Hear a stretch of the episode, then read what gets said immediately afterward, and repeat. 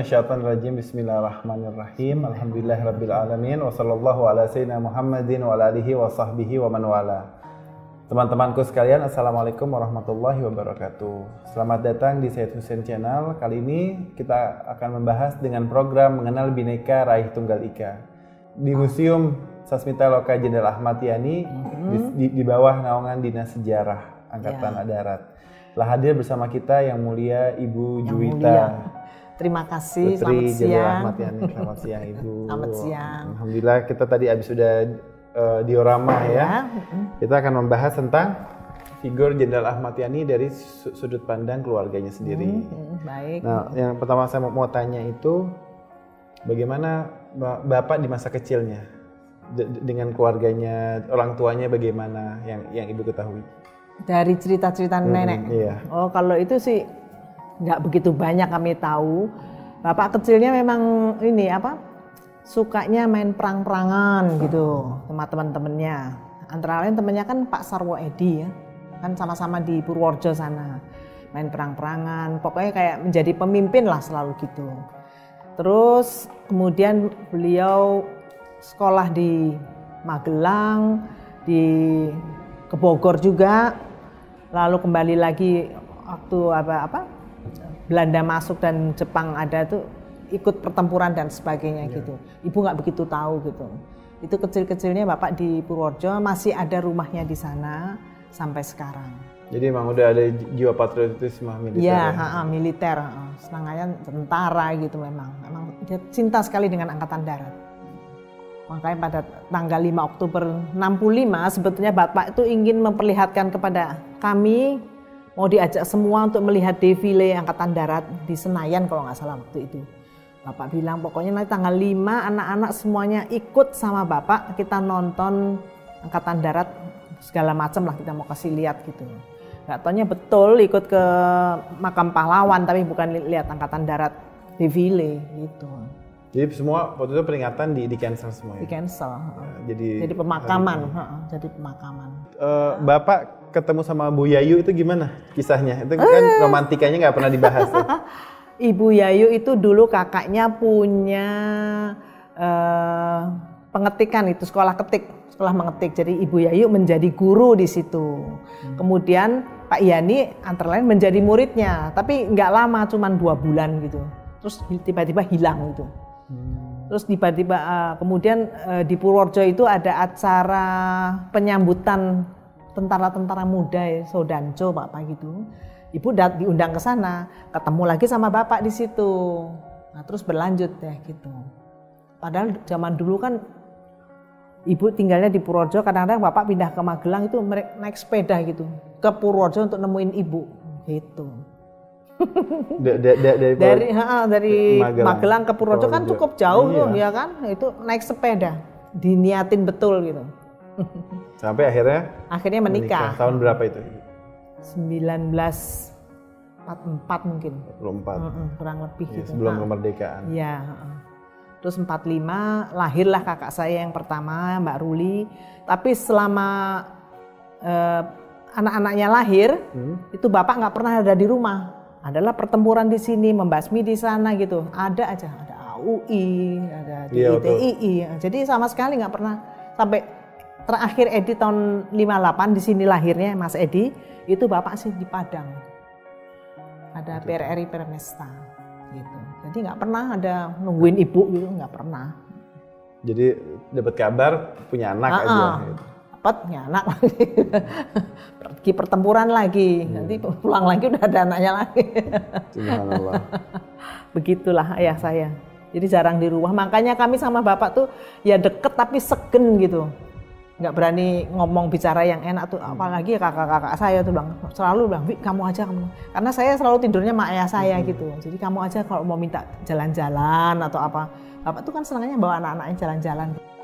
Kalau kenaikan kelas, bapak yang beliin tas, sepatu, segala macam itu bapak semuanya yang melengkapi kami butuhnya apa, buku-buku dan sebagainya.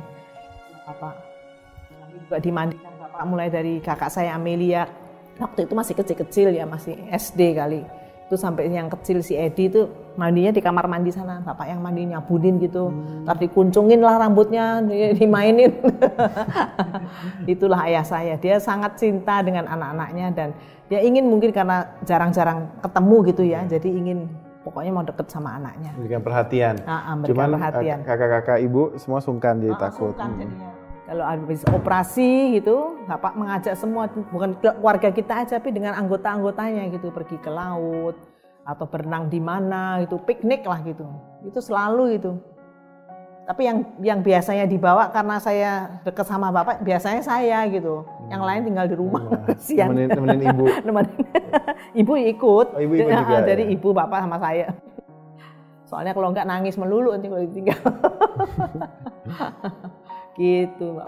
Terus, Terus apalagi? eh, yang saya mau tanya lagi setelah udah pengorbanan setelah itu kan tahun-tahun sebelum 65 itu banyak kan dari mulai Siliwangi sampai ke Giat Tritura, Dwi Kora, semua sampai itu gimana? Keadaan sosial apa eh, psikologi di tahun-tahun itu tuh Bu, dari 62 sampai 65. 62 sampai 65 keadaannya emang nggak gitu enak ya kalau. Tapi anak kecil kan bapak selalu bilang nggak usah ikut mikir katanya. Anak-anak taunya hanya belajar aja, sekolah aja yang betul katanya gitu. Yang lain-lain nggak usah itu urusan bapak gitu. Selalu dia makan di sini juga kalau makan di meja juga nggak mau dia cerita-cerita mengenai itu. Ceritanya yang lucu-lucu aja gitu. Pokoknya nggak mau memberi susah kepada anaknya. Gimana situasi di luar gitu. Dia Tapi ngebahas nggak sama Bu Yayu tentang politik? sama ibu iya kalau nggak ada anak-anak kalau ada dia nggak mau Jadi nggak nggak nggak pernah tahu jadi nggak tahu ha, kita nggak nggak ada yang tahu. Sampai disebut sebagai anak emas Bung Karno tuh gimana? begitu bapak diangkat menjadi kepala staf angkatan darat itu bapak hampir setiap hari dipanggil Bung Karno hari-hari itu kalau kita pergi ke puncak nanti dipanggil untuk datang ke Bogor menemani Bung Karno sama Bu Hartini. Jadi begitu aja nemenin ke sana ke sini gitu sampai orang bilang itu anak emasnya Bung Karno gitu kan apa-apa ya nih apa-apa ya nih gitu Cocok mungkin se- se- Mungkin, sepemikiran ha, kan. ha, ha. Kalau saya lihat eh, dibanding sama Pak Nas, Pak Yani lebih, lebih dekat, dekat sama. Bung Karno. betul betul tapi terakhir terakhirnya gitu kan akhir akhirnya kan kayaknya mungkin ada gosokan-gosokan orang-orang bisikan-bisikan ya yang inilah yang itulah Yang dibilang eh, Dewan Jenderal dan Jenderal dan sebagainya. Nah, padahal Bapak udah berkali-kali Dewan Jenderal itu ada, tapi untuk menaikkan pangkatnya orang-orang dari kolonel jadi brigjen gitu, jadi jenderal ke mana lah. Bukan kudeta, kudeta negara. gitu. Tapi ya namanya gosokan-gosokan itu kan, Ada klarifikasi ya. Hah? udah udah berkali-kali Bapak dipanggil. Oh, udah, Bu- Bung Kar- Ba- Ba- Bapak menjelaskan. Ah, dipanggil oleh Bung Karno, tapi mungkin ya nggak tahu lah Bung Karno mungkin ya iya, tapi ah jangan-jangan Benar gitu. Mm-mm. Gitu. Jadi mungkin terakhir ya hubungannya agak renggang mungkin ya kalau saya setahu saya gitu. Set- Setelah Kan pernah ada isu mau diganti segala kan? Iya. Mau di jadi mau diganti oleh Pak siapa tuh? Salah satu lah. Apa sih ya nggak apa-apa mau diganti boleh-boleh aja itu kan wewenangnya dari presiden ya kan iya. nggak apa-apa sih waktu itu juga pernah mau dikirim ke Italia apa gitu tapi bapak bilang enggak ah, saya enggak nggak nggak mau ke mana-mana. Anak saya terlalu banyak gitu. Biayanya besar.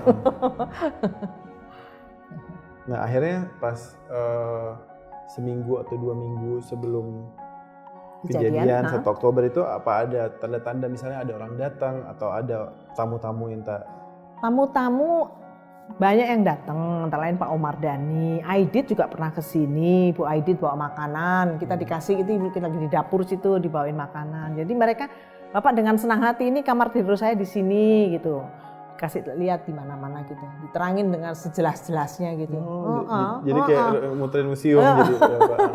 Jelasin apa tuh tempat sih. Karena habis direnovasi kan, direnovasi. Ini kan dulu ada kamar mandi di sini dibongkar gitu. Terus ini, ini di kamar tidur tetap di sini, ini kamar anak-anak gitu, kamar tamu dan sebagainya. Jadi mereka keliling gitu. Nggak taunya. ada udang Ah, ah, di balik balik batu. akhirnya nggak nggak ada apa-apa gitu cuman seperti seperti kunjungan Ah, aja atau ada orang datang atau ada orang nanya-nanya nggak ada Nggak, nggak ada. Tapi hari terakhir itu kita ditelepon, telepon ada di situ, hmm. ada telepon. Dua kali telepon diangkat. Sorenya itu ada anak-anak taruna gitu. Terus bapak bilang tuh teman-temanmu udah pada datang tuh, cepetan mandinya gitu. Bapak tuh ribut tuh, ketok-ketok mandi kita supaya cepet keluar gitu, hmm. nemenin ini. Sabar kenapa ya kita bilang kenapa sih bapak ini kok jadi aneh gitu. Karena ada nggak tahu, nggak taunya mungkin ya dia mau anaknya nggak tahu lah pokoknya aneh aja gitu kita nggak biasa biasanya gitu ini nggak tahu bapak masih nemenin mereka ngasih pisang goreng gitu nih dimakan nih sama-sama katanya gitu udah setelah tamu Pak Basuki Rahmat datang ke sini malam laporan kan tadinya mau dibawa pagi-pagi ke istana juga hmm. tapi terus bapak e, tamunya pulang bapak langsung tidur gitu kita masih masih belajar lagi hmm. karena besok mau ulangan gitu kan Terus jam 10 jam 11 gitu kita ada telepon di sini bunyi berdering dua kali. Adik saya angkat sama kakak saya juga angkat gitu. Dia cuma tanya, ini rumahnya Jenderal Yani? Betul, uh, Bapak ada? Ada. Dari mana ini? Ditutup gitu. Terus nggak lama kemudian telepon lagi berdering gitu. Diangkat lagi terus kakak saya marah yang Mbak Ruli itu. Jangan main-main ya, ini rumahnya Pak Jenderal, rumahnya Jenderal Ahmad Yani, jangan main-main. Gitu. Dia tutup lagi, Pak. Cuma nanya, Bapak ada nggak gitu. Nah kita kan nggak tahu ya bilang iya. ada gitu. Nggak tahu siapa ini. Nggak kan? tahu siapa. Setelah mereka datang ke sini, itu di belakang udah diacak-acak, telepon pun semuanya diputus. Jadi kita nggak bisa mau telepon ibu di Suropati nggak bisa. Yeah. Mau keluar juga nggak berani gitu. Ibu waktu itu ke mana? Ibu di Taman Suropati. Hmm. Karena tanggal 1 Oktober itu adalah ulang tahunnya ibu. Jadi ibu sebagai orang Jawa biasalah apa tirakatan gitu ya Terus waktu sampai jam 5 pagi sebelum jam 5 tuh ajudan bilang, Bu, sekarang sebaiknya ibu pulang. Karena besok kan ada acara coffee morning dengan orang-orang asing gitu. Istri-istrinya Athan-Athan gitu. Di sini. Terus ibu pulang, tapi sebetulnya sebelumnya itu ibu muter lagu-lagunya bapak di Taman Suropati sana lagu plat-plat itu ya karena piringan hitam ini lagunya bapak ini dengerin suruh dengerin sekeras kerasnya tuh sama ibu gede banget itu mereka juga mikir kenapa nih ibu nih oh. ayo bu pulang bu. Sudah sudah waktunya pulang bu. Akhirnya ibu mau pulang. Sampai di rumah kita udah di belakang sana. Dan nunggu siap penunggu udah ganti baju pakai celana panjang gitu. Kalau ada apa-apa mau lari gitu maunya gitu. Mbak Ruli bilang pokoknya ganti aja katanya gitu. Terus ibu datang non udah bangun non? katanya. Ada apa non? gitu. Terus semuanya teriak bu bapak ditembak bu bapak diculik bapak nggak ada. Ibu marah ya. Gimana tuh bapakmu cari katanya gitu. Siapa yang mau nyari? Coba. Hmm. ke mana? Nggak tahu ya kan? Cari bapakmu katanya. Marah sama ajudan-ajudan itu. Cari cari katanya. Pingsan di belakang sana. Pingsan ibu digotong dari belakang sana masukin ke kamar. Sampai siuman lagi. Ibu bangun lagi. Bangun keluar ke sini. Di sini tuh ibu lihat darahnya bapak sama percikan apa kaca-kaca itu ya. Pingsan lagi gitu.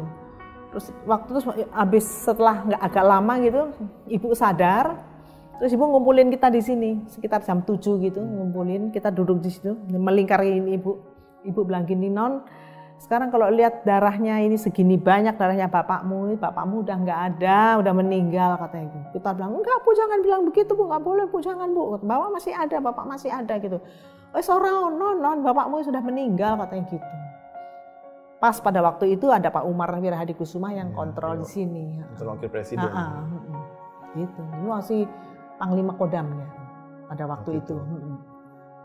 Terus dari situ kita diungsikan ke Kemang, ke rumahnya salah satu temannya ibu di Kemang sana, sampai ketemu bapak. Gitu.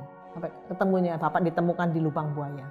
Jadi setiap setiap sore itu ajudan datang belum ada kabar enggak uh, bu uh, kita kan selalu tanya om bagaimana om bapak om oh enggak bapak enggak apa-apa kok bapak ada di istana sedang di tapi kita nggak bisa masuk katanya gitu. Karena istana di styling katanya gitu. Kan kasihan ya kita pikir iya bapak makannya apa? gitu. Nggak taunya hari terakhir tanggal berapa tuh? Tanggal 4 atau tanggal berapa? Tanggal 4 ya kali ya Pak. Om Bardi namanya Om Bardi datang itu udah belepotan gitu. Terus dia ketemuin ibu. Ibu udah nggak bangun-bangun tuh dari kamar terus. Terus dia bilang, Bu, Bapak sudah ditemukan. Tapi ibu nggak usah lihat. Ibu bilang, oh, saya mau lihat jenazahnya, saya mau lihat jenazahnya, mau lihat. Nggak usah bu, nggak usah. Ibu lihat fotonya bapak yang terakhir saja katanya. Ya pak, ibu nggak usah melihat lagi katanya gitu. itu dari mulai tanggal 1 setelah kejadian sampai tanggal 4 Mm-mm. keluarga Kita- gimana di Kemang itu Di Kemang itu, ya Nunggu. ngumpul aja ngumpul, ngu- nunggu nunggu beritanya Om Bardi itu. Karena Om Bardi kan bolak-balik gitu. Ya, dan waktu itu radio simpang siur kan Ah, Ya, simpang siur. ada Katanya pengkhianat lah kita ya. Kayak apa rasanya? Duh malunya. Kita dibawa ke Kemang itu ya naik mobil itu. Ya apa di radio itu bilangnya ini keluarga peng- pengkhianat. Aduh kurang asem. RRI kan betul. kan Nah, benar-benar di Iya waktu itu masih dikuasai ya. Iya. Terus setelah berbalik ya udah.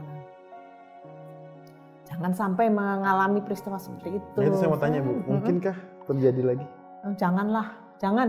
bisakah terjadi dengan Biar bisa aja, Bisa. bisa. aja kalau kita lalai dan tidak waspada, bisa aja terjadi. Tapi jangan, ya mudah-mudahan insya Allah Ah, jangan. Kamu banyak-banyak doa. mengokohkan apa mengokohkan kes, ah. eh, Keimanan kita, persaudaraan, ya. ke- ke- keimanan Iya, persaudaraan jelas itu juga jadi kenapa harus orang tuh harus dibunuh apalagi Iya, betul. bagaimana Yani West di Pateni itu benar itu Oh ucapan betul, Ah, ada yang bilang yang cerita kepada kita itu Pak Kitman. oh, Pak Sukitman Ah, ya. Pak Kitman yang cerita. Jadi Pak Kitman tuh lihat betul-betul kejadian di lubang buaya sana gitu. Gimana dia kan di biarpun tadinya matanya ditutup terus dibuka kan. Jadi dia lihat tuh di depannya tuh bapak-bapak tuh diseret terus dipukulin lah gitu di depannya dia nanti masukin ke lubang masih dalam keadaan hidup hidup masukin ke lubang gitu terus baru ditembakin lagi gitu. Ada yang diikat lagi. Pak Prapto sama Pak siapa diikat berdua gitu bayangin. Kalau ayah kita mungkin udah masuk duluan kali. Iya. Hmm, terus dikasih tendean Hmm, juga. hmm, iya tendean kan masih seger bugar ya kan? Si muda lagi. Gitu. Perisai perisai. Hmm, hmm, hmm, hmm, hmm. gitu lah mas. Nah eh, baru ta- ta- tanggal 4 malam hari baru dibawa ke RSPAD ya Ah, ah. Dibawa ke RSPAD dibersihkan di sana tapi mungkin juga nggak dibersihkan kali ya cuma di nggak tahu sih diapain pokoknya di kafanin atau apa gitu. Ibu mau ke sana juga nggak boleh ibu nanti lihat di di SWAT saja katanya gitu. Nah nggak usah dibuka lagi udah dalam keadaan tertutup petinya.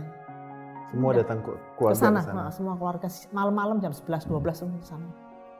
Di RSPA eh, di SWAT M markas besar angkatan darat di sana sampai jam 12 lebih mungkin terus kita kembali karena besoknya ada pemakaman gitu. keluar da- dari mana eh, jenazah itu besokannya tanggal 5 dari Mabes Angkatan Darat oh di- dibawa dari SPAD ke Ah, Mabes ah, Angkatan ah, ah, Darat. taruh di sana disemayamkan di sana Nah ini apa? Saya mau tanya. Ah, ah. Terus setelah itu gimana pasca kejadian itu? Misalnya ke keamanannya, terus kemudian apa? Di sini? Iya nggak ke eh, Ibu Yayu dan anak-anak dan Oh, ibu saudara semua. di itu? sini di- tinggal di dalam sini Iya. tidak sekolah sampai bulan Desember kali. Nggak pernah sekolah di rumah aja gitu. Nggak boleh ke mana ini ditutup semua jalannya. Sepi. Kasih pa- apa pagar betis apa ya, ya pagar duri itu. Mm-mm, Nah, di sana sini. Jadi nggak ada yang lewat sini. Jadi kita ya hanya kita kita aja. Tiap malam doa ibu tahlil sampai setahun lebih kali Setiap malam. Setiap malam. Orang lain udah selesai, kita masih terus aja ibu pokoknya enggak. Nanti kalau enggak malam-malam, ayo neng kita, ayo, Non, kita pergi ke makam malam-malam tuh. Kita malam apa? Heeh, tidur di sana tidur tiduran gitu sampai jam pagi gitu, balik lagi ke sini gitu. Jadi kayak orang bingung gitu gimana Iya, lah nggak- ada ini. Ada hi- hilang arah, nggak ada Iya panutan. betul, nggak ada. Ibu tuh sampai lama sekali gitu terus nggak ini nggak sadar-sadar gitu kali. Nggak mau nggak mau ngapa-ngapain gitulah. Terus akhirnya begitu ngelihat anak-anaknya banyak gitu baru deh dia Baru sadar heeh. oh saya harus meneruskan ini. Karena pesennya ibu katanya waktu hari terakhir tuh waktu di masih di Kemang bapak bilang kamu jaga anak-anak gitu. Itu nggak tahu ibu apa bapak datang betulan atau dalam mimpinya ibu saya nggak tahu. Tapi ibu bilang begitu bapakmu datang nitipkan anak-anak kepada ibu. Jadi kamu anak-anak harus belajar kamu nggak usah mikir macam-macam belajar saja katanya gitu udah Sam- sampai, sampai selesai akhirnya sempat pindah ya ke luar kota. enggak pindah ke depan Oh, ke- depan aja bukan Heeh. ada cerita yang, yang Ibu Amelia tuh sampai hijrah dia merenung dia sampai jadi buku itu gimana? Oh, Bu Amelia pindah ke ke Jogja. Bu Sendiri, Amelia, Bu Ah, Amelia sendiri. Ha, Bu Amelia sendiri. Dia dari Kemang. Dia kan kerjanya di UNDP tadinya. Hmm. Terus dari sana setelah beberapa puluh tahun, 14 tahun kalau nggak salah dia keluar, dia pindah ke Jogja. Di sana dia mulai lagi merintis dengan usaha-usahanya dia gitu. Yang lainnya di Jakarta. Mau nemenin ibu di sini. ya? Mm-mm, Ibu yang Yayu. lain. ha-ha. Kecuali kakak saya yang nomor satu, nomor dua.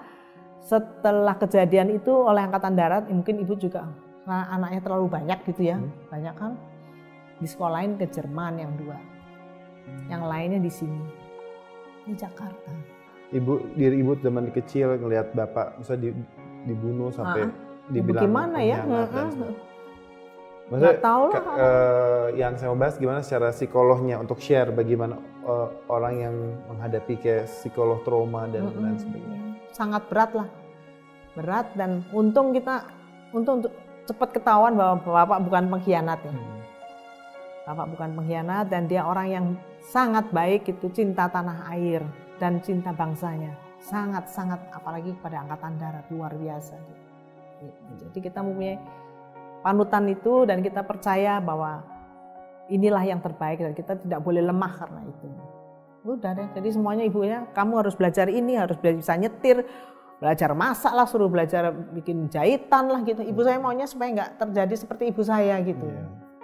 jadi harus mandiri gitu Ini apa ng- ngadepin itu gimana sampai ibu berhasil udah kan pasti berat awal-awalnya kan Ah, ah, tapi ya lama karena waktu aja lama-lama hilang juga gitu ya kita berdoa kalau kangen bapak ya kita bikin doa kalau nggak ke makamnya gitu aja nggak bisa apa kakak-kakak bantu kakak-kakak yang sadar duluan nggak kita nggak bisa Nggak, begini nggak ada. ngerangkul gitu Nggak. jadi masing-masing semuanya Ah, ah. pembenahan diri Ah, sendiri semuanya membenahi dirinya sendiri gitu. Untunglah. Ya karena kita mainnya juga sama itu-itu juga, nggak Hmm. pernah keluar-keluar kan. Teman-temannya juga itu sampai sekarang. Pak E- Edi gimana saat itu Pak Untung Pak Edi Untung Pak. Edi, untung waktu kejadian itu dia tegang betul sampai waktu pemakaman tuh apa nggak bisa apa-apa gitu. Edi nggak nggak ada ini, Edi cuma kaget aja waktu tanya kamu untuk dibunuh kayak apa rasanya gitu. Dia marah betul. Terus Edi nggak mau cerita sama sekali sampai SMA tuh baru dia mulai terakhir gitu. mau ya. Tadinya sama sekali nggak mau karena karena karena saya nih jadi bapak meninggal kita bilang bukan karena kamu Ed biarpun kamu nggak bangunin juga mereka pasti masuk dan Iya. membawa nggak mungkin jadi kamu nggak usah guilty feeling gitu mungkin Gitu. kalau masuk bisa lebih parah lagi iya ya. ha, ha. Tapi uh, uh, bersyukur juga ibu Bu Yayu nggak ada untung nggak ada ibu. Kalau ibu saya ada udah meninggal juga kali. Uh lebih parah lagi. Untung. Tapi ibu ya kecewa karena nggak bisa lihat suaminya ya. Nggak lihat bapak gitu. Eh, baik Ibu, saya, saya mau tanya terakhir eh, pesan kesan Ibu buat para pemuda-pemudi Indonesia dalam kita memperingati 53 tahun Hari Pancasila Sakti 1 Oktober. Oke. Untuk generasi muda khususnya yang apalagi yang tidak pernah mengetahui bagaimana peristiwa ini terjadi, saya harap, Ibu harapkan kamu harus benar-benar mau belajar dan mengerti, datanglah ke museum sini, mengerti apa keadaan kami dan sebagainya, bagaimana kejadian itu. Karena banyak yang itu kan cuma rekayasa tuh cuma dibikin-bikin katanya. Bayangin Mas, kita gimana rasanya gitu kalau ngerasain kamu ngerasain gitu kan makanya janganlah kamu harus tahu betul peristiwa ini benar-benar terjadi di Indonesia jangan sampai terjadi lagi karena itu sangat menyakitkan dan susah untuk memulihkan keadaanmu Tapi udah itu. Hmm. Ya eh, penutup dari saya bahwa yang pertama mereka yang membunuh, yang menculik, kita tidak tahu di mana dikuburnya mereka, Iya. siapa mereka. Jadi baga- bagaimana pahlawan-pahlawan ini mereka berjuang berkorban untuk negara ini sampai hari ini 53 tahun sudah berapa juta orang yang ziarah ke sana. Betul. Berapa jut pembacaan Yasin, berapa juta kali Yasin dia dibaca di kuburan betul sana. betul Mungkin mereka membunuh ingin mem- mem- memadamkan perjuangannya. Tubuh mereka dikubur, dihinakan, tapi cinta mereka, pengorbanan mereka, teologisnya mereka tetap akan selalu hidup di, di bangsa ini. Iya. Selama eh, nama Indonesia masih ada, selama Pancasila menjadi azas bangsa kita, mustahil kita tidak membahas perjuangan peristiwa 1 Oktober 1965. Jadi identik kesarik saktian Pancasila pasti identik dengan pahlawan revolusi. Selama dunia eh, negara ini masih eksis di alam ini di planet ini tetap kita harus selalu mengkaji kemudian kita wujudkan dalam kehidupan kita. Bagaimana kita ikut andil mengikuti Jenderal Yani dan semua stafnya yang ya. gugur untuk kita selalu berkorban, untuk kita selalu mewujudkan keadilan. Terakhir dari saya semoga Allah memberikan rahmat dan berkahnya kepada para pahlawan kita khususnya Pak Jenderal Yani dan semua staf-stafnya pahlawan revolusi dan semoga Allah menjadikan negara ini negara yang kokoh, yang kuat, siapa pun. Semoga diberikan pemimpin yang adil, insya Allah kan. Lagi tahun depan kita mau masuk ke presiden lagi yang baru, insya Allah. Kemudian insya Allah jadi uh, pemimpin yang adil, negara yang makmur, sentosa, dan insya Allah channel ini dan semua apa yang kita sampaikan bermanfaat buat teman-teman semuanya. Saya mengucapkan terima kasih kepada Ibu Juwita Putri dari Jenderal Ahmad Yani dan di sejarah eh, Stas Mitaloka Ahmad Yani di, di, di Jalan Lembang ya, Jalan Lembang Menteng. Jadi untuk teman-teman silahkan datang ke tempat ini. Bagaimana museum ini di, di, di, diabadikan oleh negara untuk kita mengkaji selalu. Jangan lupa, pernah lupakan sejarah. Ketika Allah berfirman dalam Al-Quran, Laqad kana fi qasasihim ibratun ulil albab. Surat Yusuf ayat 111 Allah berfirman, dan terdapat dalam kisah-kisah mereka adalah pengajaran bagi orang-orang yang punya akal. Ambil pelajaran, karena orang yang berakal lah yang akan mengambil pelajaran dan diaplikasikan di dalam kehidupan. Dan terakhir, saya katakan mengutip dari ayat Al-Quran, Allah SWT berfirman, Bismillahirrahmanirrahim, وَلَا تَحْسَبَنَّ الَّذِينَ قُتِلُوا فِي سَبِيلِ اللَّهِ أَمْوَاتًا بَلْ أَحْيَاءٌ إِنَّ رَبِّهِمْ يُرْزَقُونَ Dan janganlah kamu mengira, mengira saja kita tidak boleh bahwa orang-orang yang gugur jalan Allah mereka itu mati. Mereka hidup dan senantiasa diberi rezeki oleh Tuhannya. Mungkin jasadnya mati, tapi pengorbanannya, ilmunya, semua apa yang dia sampai, eh, apa yang dia sudah berikan untuk negara ini akan selalu hidup. Dan kita bisa menikmati kemerdekaan ini karena semua berkat jasa-jasa pahlawan kita. Akhirul kalam, saya ucapkan terima kasih dan mohon maaf. Wassalamualaikum warahmatullahi wabarakatuh.